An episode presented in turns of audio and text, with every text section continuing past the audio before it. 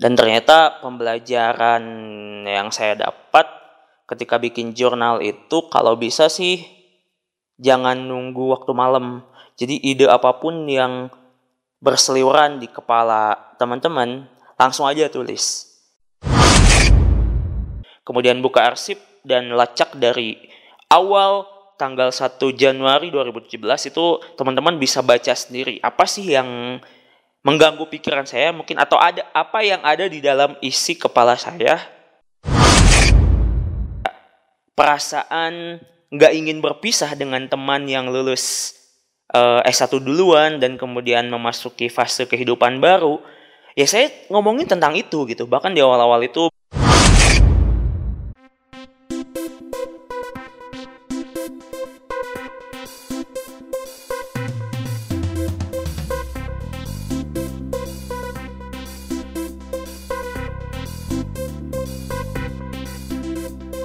Assalamualaikum warahmatullahi wabarakatuh. Balik lagi sama saya Irfan di podcast Teman Duduk. Episode ke-13. Pas barusan cek di Spotify, podcast Teman Duduk udah masuk ke episode 12 dan sekarang saya gak mau berakhir di episode 12 tentunya. Terakhir upload itu sekitar tanggal 11 Mei refleksi tentang pas saya balik uh, munggahan waktu itu. Nah untuk sekarang sebenarnya um, saya udah dari dari cukup lama pengen rekaman lagi tapi bingung mau ngomongin apa kontennya dan tadi sebelum asar kayaknya saya kepikiran untuk ceritain atau berbagi aja sih soal apa yang pernah saya lakukan uh, beberapa waktu lalu dan mudah-mudahan apa yang saya obrolkan sekarang itu bisa ngasih uh, bisa ngedorong gitu teman-teman yang memang punya minat sama di bidang ini. Tentang apa itu? Tentang bikin jurnal harian. Jadi saya bakal ngomongin seputar bikin jurnal harian dan lebih spesifik lagi sih di Tumblr ya di salah satu platform uh, micro blogging teman-teman sih uh, kalau misalnya mau bikin jurnal bebas aja. Kalau misalnya ngerasa gak enak buat dipublikasiin buat dibaca sama orang banyak ya bikin jurnal di catatan atau di buku harian aja di buku diary pribadi. Kalau saya sih ngerasa gak masalah untuk dipublikasikan, jadi pakai platform Tumblr. Uh, dan itu sih saya mulai aja ya ceritanya ngomong uh, ngomongin tentang bikin jurnal ini. Jadi mungkin nanti saya pengen share tentang pengalaman saya bikin jurnal selama ini, kemudian uh, apa ya? ya bisa dibilang suka dukanya mungkin atau uh, eh suka dukanya kemudian gimana sih cara dapetin ide untuk kemudian nulis jurnal kayak gitu. Nah sebelum ke sana saya pengen ceritain latar belakangnya dulu sih kenapa saya akhirnya bikin jurnal harian secara rutin gitu. Jadi awalnya di akhir 2016, mungkin di tahun 2016an lah saya uh, terinspirasi tuh sama uh, Firsa Besari gitu ya dia bikin jurnal harian satu postingan per hari dan kayaknya sih kebanyakan dia selain bikin tulisan juga bikin video yang menggambarkan isi tulisannya gitu dan dia berhasil waktu itu bikin 300 3, 306 366 jurnal selama tahun 2016. Nah, kemudian di awal-awal 2017 saya juga kepikiran untuk bikin resolusi gitu ya di malam tahun baru mungkin waktu itu. Salah satu resolusinya adalah bikin jurnal sebanyak 365 hari. Tiap hari. Singkat cerita, saya di tanggal 1 Januari itu langsung bikin jurnal dan saya ingat saya sih mungkin maleman lah jam 8an gitu jam 8 malam. Dan ternyata pembelajaran yang saya dapat ketika bikin jurnal itu kalau bisa sih jangan nunggu waktu malam. Jadi ide apa pun yang berseliweran di kepala teman-teman langsung aja tulis. Tulis di kertas yang gak kepake atau di buku catatan pribadi atau di notes HP juga boleh lah. Itu tuh biar nanti pas malam gitu ya ketika memang pagi harinya siang harinya kalian sibuk kuliah kerja atau apa pun minimal ada satu ide tertentu yang bisa nanti pas malam hari dilanjutin buat diberesin jadi jurnal gitu itu nah di awal-awal bikin jurnal itu asli susahnya minta ampun, terutama di 30 hari pertama itu di bulan Januari waktu itu saya cukup ngos-ngosan gitu ya. Uh, sempet kepikiran buat berhenti, sempet kepikiran buat ya udahlah ngapain sih nulis-nulis jurnal atau juga gak ada yang baca gitu. Gak ada yang apresiasi, gak ada yang komentar, gak ada yang share dan lain sebagainya. Intinya gak ngasih feedback gitu ke tulisan-tulisan yang kita bikin. Tapi bentar ya, saya matiin dulu ini ya.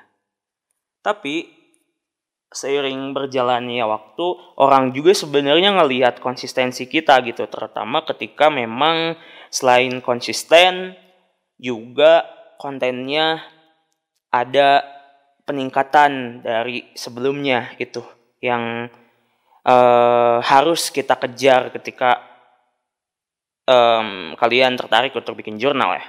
Jadi waktu 2017 itu saya kan gabung di salah satu grup nulis gitu. Nah, saya suka share di sana. Ada banyak anggota grupnya yang ngapresiasi konsistensi saya gitu. Wah, Kang Irfan, ini kenapa sih bisa konsisten kayak gini, produktif dan lain sebagainya? Ya menurut saya sih antara biasa aja dan ya cukup bangga juga gitu bisa rutin nulis. Karena emang gak banyak sih kayaknya yang bisa bertahan untuk terus nulis setiap hari gitu. Biasa ajanya ya karena ketika saya membandingkan dengan orang-orang lain yang lebih bisa lebih konsisten daripada saya gitu. Karena saya kan targetnya uh, di 2017 itu bikin 365 jurnal. Dan ternyata saya berhasilnya waktu itu sekitar berapa ya? 200-an berapa gitu? 250-an kalau gak salah. Selama satu tahun itu dan dilanjut di tahun 2018 dan 2019 dan sampai sekarang belum beres juga gitu. Sekitar 6 jurnal lagi lah untuk mencapai 365 hari. Tapi saya berkomitmen untuk beresin itu terlepas waktunya udah lewat dari satu tahun gitu nah tadi kan balik lagi uh, bikin jurnal harian itu bagi saya biasa aja. Tapi di sisi lain juga bangga ketika ngebandinginnya itu dengan orang-orang yang nggak bikin jurnal harian gitu dan mereka males ataupun nggak tertarik dengan nulis jurnal harian itu gitu. Jadi ada dua standar yang saya pakai, bukan standar sih kayak uh, dua penilaian lah terhadap diri saya. Yang satu biasa aja, yang kedua cukup bangga gitu, cukup merasa bangga. Dan ini bisa jadi pengalaman masa lalu yang baik bagi masa depan saya gitu. Karena udah bisa uh, apa ya, udah bisa nyoba bikin kebiasaan yang baik gitu. Karena bagi saya sendiri menulis secara rutin itu uh, kebiasaan yang baik yang layak untuk dicoba oleh teman-teman. Nah, itu sekilas tentang um, awal-awal bikin jurnal gitu. Jadi di, di 30 hari pertama itu asli susahnya minta ampun gitu ya. Terutama untuk terutama menahan ras bukan menahan sih, kayak melawan, melawan kemalasan dari diri sendiri gitu, dari internal diri sendiri untuk ya udah berhenti aja. Yang kedua, tentu dari ide. Mau bikin apa nih? mau bikin tulisan tentang apa, kemudian mau nyampein apa di jurnal berikutnya.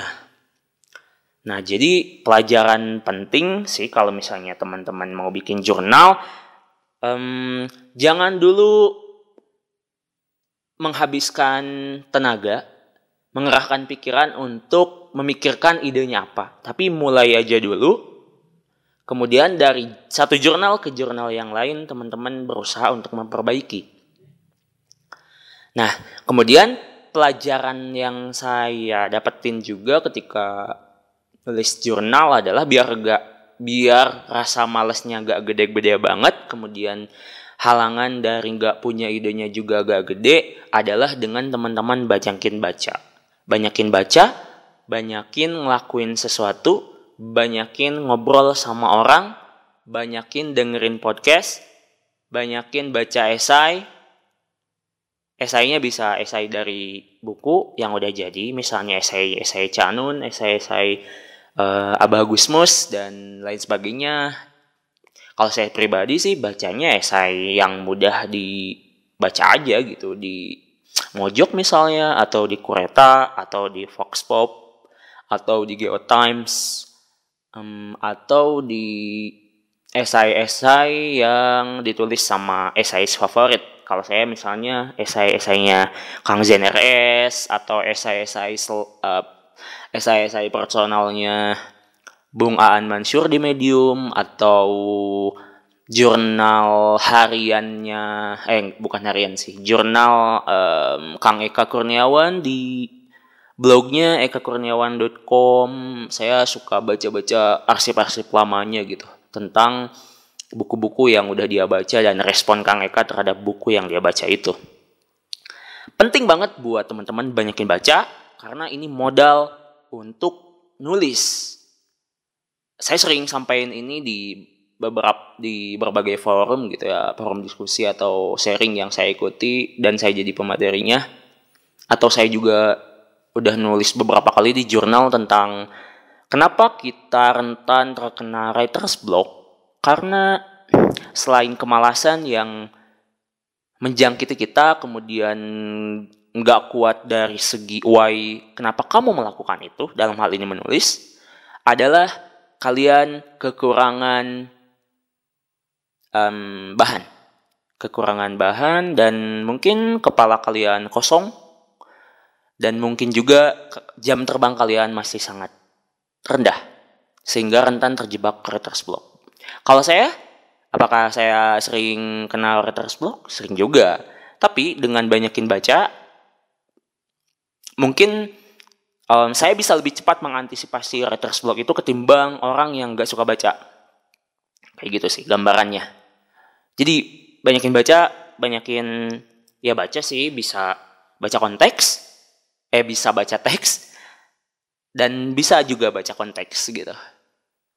Kalau saya misalnya um, baca konteks, contohnya ya ngamatin perilaku-perilaku orang di medsos misalnya, ketika pilpres pilpres ketap ketika zaman pilpres sekarang kan ya banyak uh, perang narasi gitu ya di medsos di Instagram dan sebagainya banyak tokoh-tokoh yang kemudian berpihak kepada paslon 01 dan 02 nah yang saya amat yang saya yang menarik buat saya adalah respon orang-orang di kolom komentar gitu. Yang awalnya misalnya contohnya ini contoh ya uh, akun Ustadz Yusuf Mansur.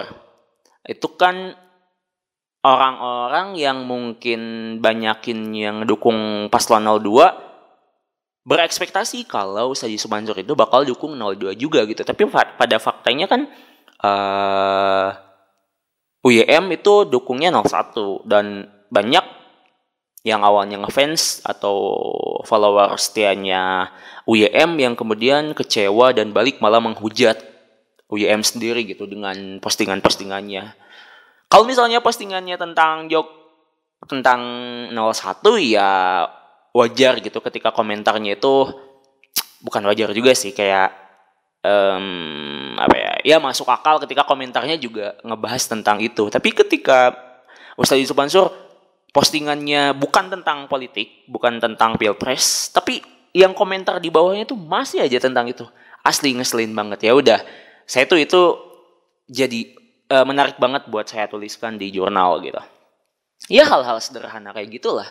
Dan memang jurnal itu bagi saya sih jurnal harian ya pribadi aja gitu. Teman-teman mau ngisinya jurnal serius kayak misalnya siapa ya jurnal serius. Hmm, saya belum nemuin sih. Dan emang jarang juga sih yang bikin jurnal harian secara intens kayak gitu. Ya um, yang saya juga sebenarnya jurnalnya random banget gitu. Ada misalnya tentang di awal-awal itu kalau teman-teman baca ya di postingan 2017 buka aja Irfan Ilmi ya irfan i l m y tumblr.com kemudian buka arsip dan lacak dari awal tanggal 1 Januari 2017 itu teman-teman bisa baca sendiri apa sih yang mengganggu pikiran saya mungkin atau ada apa yang ada di dalam isi kepala saya yang kemudian saya tuliskan jadi bentuk jurnal gitu. Itu banyak banget tentang kegalauan-kegalauan, kerinduan terhadap seseorang, kemudian eh apa ya kayak perasaan nggak ingin berpisah dengan teman yang lulus eh, S1 duluan dan kemudian memasuki fase kehidupan baru.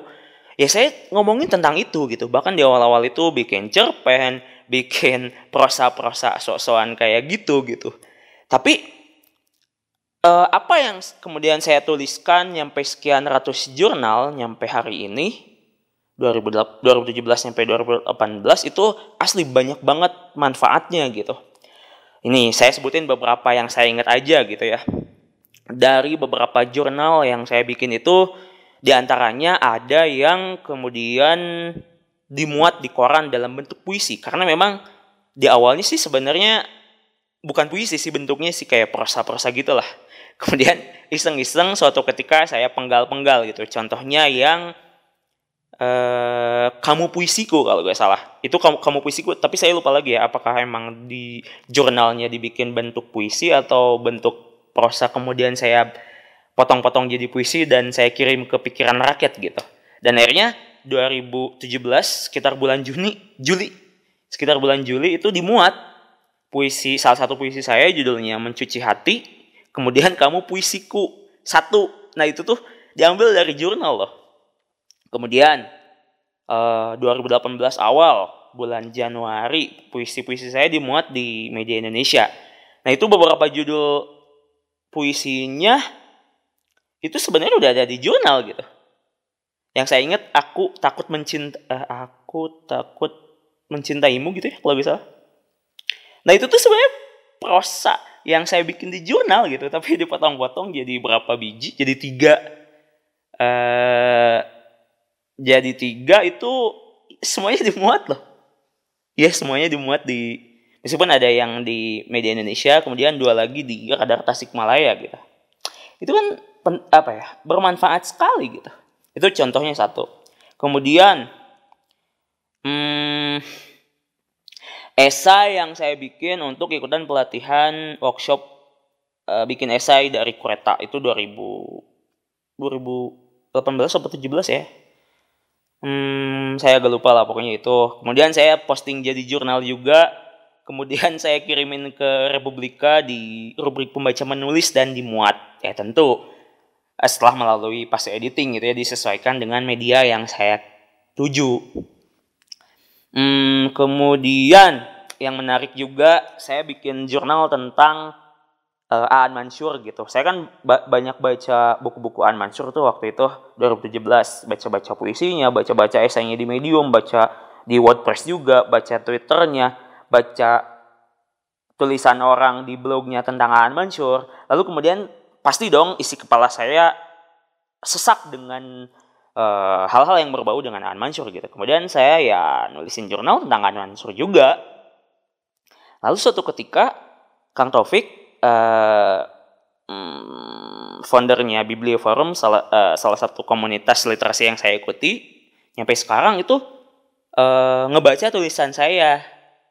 Sebelumnya sih saya ngefollow saya ngefollow Kang Taufik di Tumblr, kemudian Kang Taufik fallback saya dan ngelihat saya rutin nulis jurnal gitu. Kemudian uh, singkat cerita saya diminta Kang Topik buat jadi pembicara bukan pembicara sih kayak sharing aja sih dan saya jadi narasumbernya ngomongin tentang An Mansur karena waktu itu Biblio memang sedang bahas tentang penyair-penyair gitu dari berbagai uh, generasi sebelumnya bahas Hairil, bahas Sapardi, dan saya kebagian bahasaan Mansur. Itu lagi-lagi dari jurnal. Kemudian di bulan Ramadan tahun 2017 juga saya diminta sama Aksara, sama Aksara ITB itu unit literasi di Salman ITB itu untuk sharing juga tentang gimana sih caranya bikin uh, tulisan secara rutin di ya di berbagai platform sih selama bulan Ramadan. Karena saya memang anak aksara meskipun nggak aktif gitu ya, tapi kadar aksara juga, ya akhirnya saya diminta untuk mengisi sharing uh, awal-awal apa ya kayak motivasi aja sih buat teman-teman yang mau ikutan uh, nulis 30 hari selama Ramadan uh, agar termotivasi gitu. Nah, saya diundang juga waktu itu. Dan masih banyak lagi sebenarnya manfaatnya uh, dari kita rutin bikin jurnal harian gitu. Saya juga bisa kemudian terkoneksi dengan banyak orang dengan wasilah jurnal ini gitu karena mungkin banyak orang yang relate dengan isi jurnal saya kemudian nge-follow saya kemudian ada juga yang dia baca kemudian reblog tulisan saya kemudian si followernya baca lagi lalu nge-follow saya yaitu nambah follower itu manfaat juga nih dari bikin jurnal harian gitu. Tapi dengan catatan teman-teman jurnalnya ya harus bagus, harus layak untuk dibaca, harus layak untuk di-share, harus layak untuk di blog, di reblog, harus layak untuk di di di jadi Insta story gitu di Insta, di Instagram orang-orang kayak gitu. Um, kemudian um, ya selain itu kita juga mungkin bisa kalau ditilik dari sudut psikologi ya saya juga gak ngerti-ngerti amat sih tentang psikologi tapi pasti ada ada dampak dari kita curhat dalam tanda petik um, lewat tulisan di platform apa apa pun gitu. Nah kalau saya kan memilihnya di Tumblr ya. Contohnya misalnya uh, Eyang Habibie yang saya baca ya. Ketika ditinggal meninggal oleh almarhumah Ibu Ainun itu kan mengalami uh, apa ya gangguan kejiwaan. Saya gak tahu saya lupa lagi ya penyakitnya apa. Tapi kemudian uh, disarankan untuk menulis. Kemudian Eyang Habibie menulis dan ya itu cukup berdampak gitu terhadap uh, apa ya terhadap uh, gangguan tersebut gitu yang dialami oleh Eyang Habibie. Dan uh, sekilas yang saya baca juga dari yang lain ternyata yang memang menulis sesuatu itu menuliskan keresahan kita lah gitu. Kegalauan kita kegamangan kita terhadap sesuatu itu cukup mengurangi tingkat stres kita. Bisa dicoba hmm, eh, sebagai opsi ya ketika teman-teman nggak ada teman untuk dijadiin teman curhat ya nulis aja gitu dan teman-teman bisa pilih sendiri mau curhat secara telanjang dalam tanda petik maksudnya masalah teman-teman diceritain atau uh, ya hal-hal yang personal banget yang ngerasa nggak penting untuk diomongin ya jangan diomongin. Itu lagi-lagi balik lagi ke teman-teman gitu. Kemudian uh, sebenarnya masih banyak sih soal jurnal tapi um, mungkin nanti saya bikin berapa beberapa part gitu. Bisa dua part atau tiga part uh, tentang jurnal ini. Um, kemudian di samping itu juga sebenarnya kita punya bank ide gitu, bank ide uh, apa-apa yang kita pikirkan. Dan suatu saat bisa kita olah lagi menjadi bentuk tulisan lain gitu. Kayak misalnya, misalnya saya ikutan berbagi nasi tiap malam sab uh, tiap malam minggu dan saya menemukan banyak realitas tuh di uh, di Bandung saat malam hari. Itu kemudian saya tuliskan apa adanya sebagai bentuk observasi saya. Kemudian suatu ketika saya ingin bikin puisi ya saya baca lagi refleksi saya selama mengikuti berbagi nasi itu itu bisa jadi bentuk lain kan bisa jadi alih wahananya ke puisi bisa jadi juga ke film misalnya atau ke bentuk-bentuk lainnya. Bisa ke esai. Nah esai kayaknya lebih lebih mudah untuk uh, maksudnya dari jurnal itu lebih mudah diubah ke bentuk esai gitu. Dan saya juga banyak ngambil dari jurnal itu untuk ikutan lomba esai atau untuk bikin esai yang agak serius gitu. Meskipun gak dilombain gitu. Nah, itu saya ambil dari jurnal. Jadi manfaatnya banyak banget. Baik itu manfaat secara pragmatisnya atau manfaat sebenarnya buat diri kita sendiri buat um, apa ya mengabadikan pandangan-pandangan kita terhadap sesuatu sebenarnya. Karena kan kita ide-ide ide-ide bikin jurnal itu bisa dari luar diri kita bisa dari dalam diri kita gitu nah itu kita abadikan dalam bentuk tulisan yang kita bisa baca ulang gitu jadi sebenarnya bikin jurnal itu kalau saya pribadi ya, ya saya tujukan untuk diri saya pribadi, bukan untuk orang lain gitu.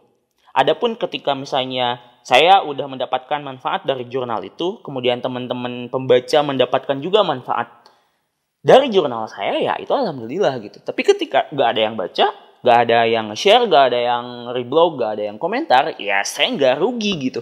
Saya justru untung karena saya punya sekian ratus tulisan selama kurun waktu tertentu gitu dan ketika saya baca apa ya um, kumpulkan jurnal-jurnal dua tahun lebih itu kayaknya udah bisa dibikin tiga buku sih karena memang saya tuh tema jurnalnya kan random banget ya acak banget. Dan ketika saya klasifikasikan kategorisasi itu tuh ada beberapa tema-tema utama sih. Yang pertama misalnya saya lagi garap ini lagi edit dan mudah-mudahan uh, ketika nanti udah beres editingnya ada penerbit yang tertarik untuk menerbitkan itu ngomongin soal uh, literasi gitu ya. Ngomongin soal membaca menulis diskusi hmm, ngobrol. Ngobrol dalam artian ya diskusi sih diskusi yang bermanfaat gitu. Nah itu ya udah udah cukup sih dijadiin satu buku. Mungkin saya nanti edit-edit revisi lagi kemudian nambahin uh, beberapa sumber dan sebagainya itu satu. Kemudian ada juga eh, hal-hal yang berbau personal saya. Uh, refleksi saya terhadap sesuatu kemudian keluar tentang keluarga saya ngomongin tentang uh, ngomongin tentang keluarga saya yang memang kecenderungannya uh, dominan bukan dominan sih kayak keluarga keluarga pendidik lah gitu dari mulai almarhum kakek saya kemudian wah saya guru mama saya guru bapak saya guru teteh saya guru saya juga kuliah di jurusan pendidikan dan kayaknya gak bakal jauh dari profesi guru ya saya ngomongin tentang itu. Mudah-mudahan mudah-mudahan juga ada orang yang uh, relate gitu. Kemudian saya ngomongin tentang pesantren. Ya mungkin ini masuk dalam satu buku ini ya tentang uh, catatan-catatan personal. Kemudian selanjutnya ini bisa masuk ke buku ketiga nih, calon buku ketiga juga. Tentang kontribusi gitu. Jadi saya ngomongin uh, founder-founder um, startup atau orang-orang yang menginspirasi, anak-anak muda yang menginspirasi, kemudian orang-orang yang mengalami keterbatasan tapi mereka memilih untuk bikin sesuatu, bikin lembaga pendidikan tertentu dan itu gratis dan itu ditujukan untuk orang-orang yang kurang mampu secara ekonomi di lingkungannya. Wah, itu bagi saya tuh topik-topik yang sangat romantis dan teman-teman bisa baca itu sebenarnya gitu. Gak usah nunggu bukunya jadi dulu. Silahkan aja baca gitu. Kemudian saya juga refleksi soal uh, bukan refleksi sih kayak saya menceritakan ulang kesan saya ketika menemukan blog-blog yang menarik untuk saya baca. Beberapa kali saya mention si saya cantumin si alamat blognya beberapa juga enggak saya cuman ngomongin uh, ngasal aja sih tentang uh, kesan saya terhadap blog yang saya baca gitu dan biarkan si pembaca itu penasaran kalau misalnya dia penasaran dan bener-bener uh, pengen baca ya dia bakal ngirim pesan ke saya kayak gitu sih wah itu seru banget mungkin di episode sekarang ini part 1 saya cukupkan sekian dulu tentang uh, seputar seputar jurnal ini. Asli ini nggak pakai skrip dulu ya, nggak nggak ada poin-poinnya gitu. Jadi mungkin eh, agak-agak banyak kurangnya gitu nanti di part selanjutnya tentang bikin jurnal ini mungkin saya akan bikin dulu skripnya biar ngomongnya terstruktur dan gak ke mana gak ke mana-mana gitu. Mungkin itu saja episode 13 tentang bikin jurnal harian. Saya bikin ini juga sih sebenarnya sambil ngebuburit sih. Ini udah jam 17.31 tanggal 31 Mei 2019. Lumayan. Dapat satu konten. Uh, lumayan juga biar saya nggak biar saya termotivasi terus untuk bikin konten di podcast gitu. Mungkin itu aja sih. Thank you banget udah dengerin podcast ini. Kalau teman-teman ngerasa podcast ini bermanfaat silahkan share uh, podcast ini di medsos teman-teman. Dan jangan lupa mention saya mention saya kalau di Instagram @irfan irfan ilmiah I L M Y A H. Akun saya sama di Twitter juga Irfan Ilmiah juga. Jadi silakan uh, mention saya. Kemudian kalau misalnya ada kritik dan saran boleh ke Instagram atau ke Twitter juga. Atau bisa ke udahlah dua dua itu aja sih. Thank you banget. Uh, selamat berbuka puasa beberapa menit lagi kalau teman-teman dengerin ininya, dengerin podcastnya menjelang maghrib. Bye bye. Wassalamualaikum warahmatullahi wabarakatuh.